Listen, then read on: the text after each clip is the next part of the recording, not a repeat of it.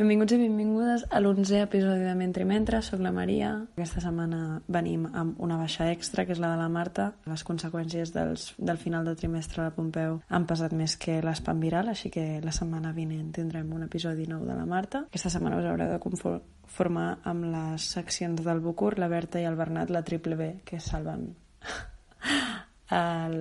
l'episodi d'avui. La Berta aquesta setmana ha deixat de banda la filosofia clàssica per adoptar un tema potser una miqueta més semblant al que el Bernat ens té habituats, que ens parlarà de Vinyoli, i us deixo amb ella amb el batibull encantat.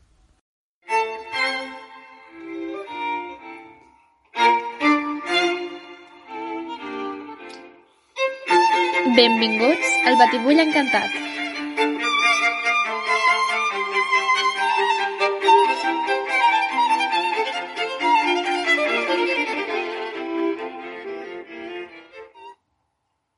Hola a tothom, com estem? Els dilluns són feixucs, els dimarts serveixen per treballar, dimecres per estructurar, dijous... els dijous són de claredat, els divendres de tertúlies, i al cap de setmana per redreçar-nos de nou, i se'n tornem-hi. Així és com he percebut les setmanes de la confitura. Fa uns dies, parlant sobre el temps perdut o guanyat d'aquests darrers mesos, vaig recordar els versos de Vinyoli, del poemari Vendaram, Sé que, de fet, en els, entre els oients tenim amants de Vinyoli i sé que avui els farà il·lusió a que en parlem ni que sigui durant uns instants. Personalment no em considero fan de Vinyoli, sabeu perfectament la meva tendència cap a Ferreter, no me n'he amagat mai, i de fet tinc la teoria que hi ha un tant per cent molt elevat entre els estudiants d'Humanitats a la Pompeu que tenim un amor incondicional cap a Ferreter, Potser per les classes de la Begonya de primer o potser perquè és impossible viure sense els seus versos. Però no obstant, avui no vinc a parlar-ne, tampoc de Vinyoli, encara que em servia de, de preàmbul. Tot i així, retornem per uns segons a aquests versos de Vinyoli. El poeta, en aquest poemari, amb imatges suggestives, explora el seu interior, cerca el seu jo entre reflexions morals i metafísiques. La preocupació pel temps perdut hi és. Es fa present entre els poemes, com ara a Gorgs o el mateix Temps perdut. Com ens diu Temps perdut, temps perdut, temps perdut. Repetir unes mateixes paraules per majors profunditats. Ens preocupa perdre el temps? És inevitable. Ara bé, realment perdem el temps? Què vol dir perdre el temps? I podríem fer-hi i establir-hi vincles econòmics i polítics, però avui no m'interessa. Prefereixo parlar del temps, d'allò que entenem per temps, és un tema, de fet, debatut al llarg de la història, l'etern dubte sobre si el temps és circular o lineal, i sovint em pregunto si hi ha un altre tipus de concepció que s'escapi d'aquest binomi. Ningú ha resolt aquesta problemàtica, si realment se'n pot anomenar així. El cristianisme ens ha, ens ha inculcat una concepció lineal, amb una creació ex nihilo, un primer moment cairós i una parusia i finalment el paradís, l'eternitat. Dels clàssics, però, n'hem rebut una herència circular, i trobem amb Nietzsche, amb el seu etern retorn. De fet, tenim sensació de linealitat. Allò que vam viure no hauria de repetir-se, i encara que la mateixa situació es doni, nosaltres no serem exactament els mateixos. Serem més grans, haurem caigut unes quantes vegades des d'aleshores i sabrem encarar-nos a la vida des d'una altra perspectiva. Per tant, des d'una mirada sensible, terrestre, hi pot haver-hi repetició, sí, però no absoluta, i ara no entrarem en un debat sobre l'existència de dimensions paral·leles, sinó que m'interessa parlar d'aquesta realitat més mundana i evident. I tanmateix, malgrat aquesta concepció lineal, funcionem a base d'un rellotge rodó, que cada dia a les 12 de la nit comença de nou, no? aquest mateix cercle, i així amb el calendari. Un dia em preguntava si podem desafiar el calendari gregorià o qualsevol altre, no? la concepció de, del que entenem per un calendari. Seria realment un caos? Podríem fer previsions de futur amb una concepció completament lineal? Tal com tenim ara muntat el món, francament ho veig difícil. La circularitat és necessària. Potser la tenim més arrelada del que ens arribem a pensar. El passat ja no torna, però hi ha punts de contacte, hi ha factors que repeteixen, i això ho podem veure perfectament si fem un estudi històric. Com els cataclismes, no?, realment poden arribar, anticipar-se. Però això també ho podem veure en el nostre dia a dia.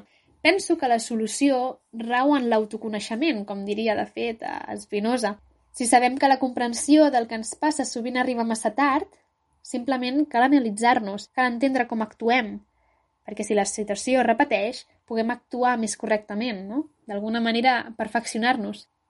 Tot això m'inquieta. Tranquils, dormo a la nit. Però m'angoixa saber si l'etern retorn existeix i afirmo que en molts casos estic segura que sí. No sempre en el moment que voldries o esperes, perquè si una cosa és evident és que el cosmos no el podem controlar. No obstant, vull tornar a l'inici. Perdem el temps? Penso que no.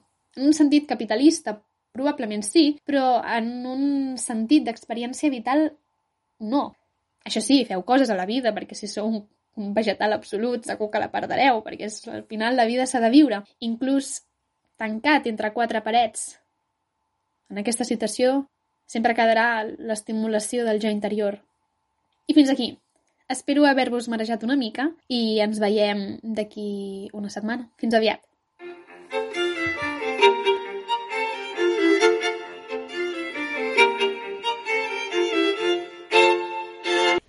I el Bucur, amb una mica de bogeria, farà l'inevitable, el que es veia venir des del principi i farà un episodi parlant de les estrelles, però a través de Manel. No cal dir res més, no? Endavant amb la secció del Bucur. Benvinguts a la secció més incoherent del planeta.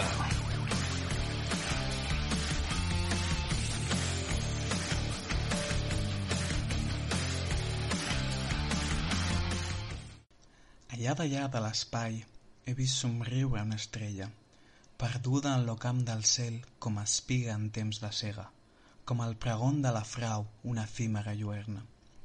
Estrelleta, jo li he dit, de la mar cerúlia gema, de les flors de l'arc verger, seies tu la darrera? No sóc la darrera, no, no som més que una llanterna, de la porta del jardí que creies tu la frontera. Sols lo començament, lo que prenies per terme. L'univers és infinit, per tot acaba i comença, i ençà, enllà, amunt i avall, la immensitat és oberta, i on tu veus lo desert, eixams de mons formiguegen. Dels camins de l'infinit són los mons la polsinera, que puja i baixa sos peus quan Jehovà s'hi passeja. Avui m'he aixecat amb la vena poètica i per això he rebuscat entre els meus poemes preferits per trobar aquesta obra de Verdaguer, anomenada Plus Ultra.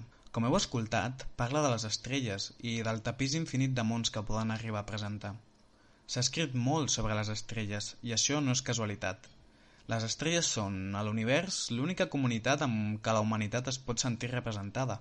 S'assemblen molt a nosaltres, fins al punt que artistes com els Manel han escrit una cançó en què els personatges dels quals parlen es comparen amb les estrelles mateixes. Les estrelles són semblants a nosaltres perquè són alhora idèntiques i diferents entre elles. Tot i que veiem que som membres d'una mateixa espècie, i això ens fa iguals, cadascú desprèn la seva llum pròpia, i d'aquesta manera també ens diferenciem. Com les estrelles, algunes persones, els famosos, són molt coneguts, però d'altres no en sabem res de res fins que les estudiem amb el temps necessari, i els dos tipus brillen amb llum pròpia. Algunes tenen històries impressionants i d'altres prefereixen la solitud. Els manels diuen Les estrelles venen, van, cremen ràpid o amb els anys i, com els últims raigs del sol, desapareixen. De lluny es veu la glòria. No sé si sabíeu que algunes de, la, algunes de les estrelles que observem a les nits clares ja estan mortes quan ens arriba la seva llum. Això és perquè es troben a una distància infinita, i mentre la seva llum viatja fins a les nostres retines, elles ja han viscut la seva vida. Això, en certa manera, també s'assembla a nosaltres. Sense encara saber si els extraterrestres existeixen i, si ho fan, trobar si s'ajunten socialment com nosaltres, les úniques comunitats interplanetàries amb les que ens podem identificar són les estrelles. Cadascuna separada de les altres en el firmament, però juntes pintades arreu de tot el cel. Per això, potser nens, joves, grans i vells, que se senten sols, recorren a la nit estrellada. Potser perquè tenen la sensació de que algú els escolta, de que formen part d'alguna cosa tot i sentir-se sols amb els peus a terra. Les estrelles també són un fet que hem compartit amb tota la humanitat al llarg de la història. I això ens connecta amb èpoques molt allunyades al llarg del fil del temps. No n'hi ha gaire d'aquests fets, coneixen a totes les persones. I per molt que descobrim que coneixem més d'elles, encara ens impressionen. Diuen que només l'art, la literatura i les estrelles coneixen tots els secrets de la Terra, a qui hem confessat els racons més obscurs de la nostra existència. Que lluny i que a prop que les tenim. I vosaltres? Heu confessat secrets a les estrelles? Quines històries heu compartit amb elles? Bé, suposo que això s'ho quedaran elles i no ho diran a ningú. Espero que tingueu moltes més nits enlluernades per aquests punts celestes i us desitjo una bona setmana. I aquí s'acaba la secció més incoherent del planeta.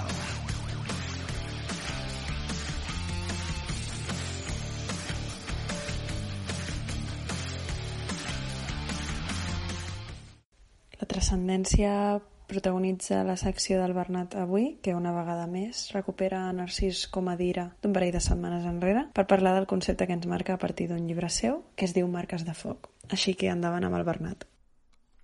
Després dels tres capítols que vaig plantejar per fer un recorregut en Víctor Català, avui vull fer un viatge a Narcís Comadira, poeta que ja havia tractat anteriorment, i que avui em centraré en el seu llibre Marques de foc. Editat per Ara Llibres, ara ja farà uns quants anys, la voluntat d'aquest llibre era fer primer una reflexió sobre el paper important de la tradició en nosaltres i sobretot amb aquesta metàfora de les marques de foc, dir allò que ens ha marcat per sempre i que ens ha fet fer les coses que hem fet. Dit així, el llibre s'articula de tal forma que planteja els diferents recorreguts literaris per quals el poeta ha anat descobrint poemes que li han format part del seu imaginari i que han construït moltes vegades alguns poemes que ell mateix ha escrit.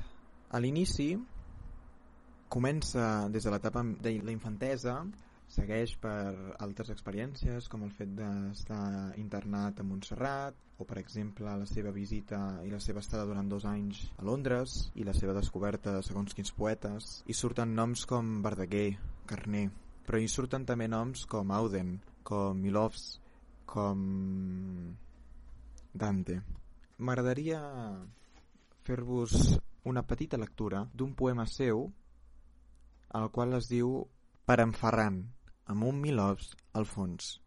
Caminàvem, la tarda s'esllavissava lenta cap al vespre. En un fondal cantava un rossinyol darrere una cortina de Vilalbes.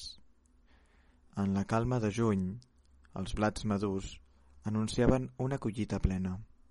Els marges, pèsols d'olor, els camps, blauets i gladioles. Tota la glòria del rei Salomó semblava al nostre abast. Caminàvem. Tu filosofaves. Temps i bellesa, deies, són conceptes que no es deixen lligar per la raó. D'això ja fa molts anys. I ara tu ja no hi ets. Ni aquell dolç rossinyol que cantava amagat. No en queda res de tota aquella glòria que gosava prometre'ns la vida. Ho dic, més que amb dolor, amb un gran desconcert. I fins aquí l'episodi d'avui.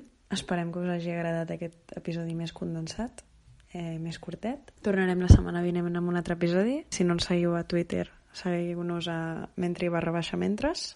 Soc la Maria, em despedeixo i molts ànims en aquest final de trimestre als estudiants de la Pompeu i molts ànims en la fase 1, 2, 3 o allà on estigueu.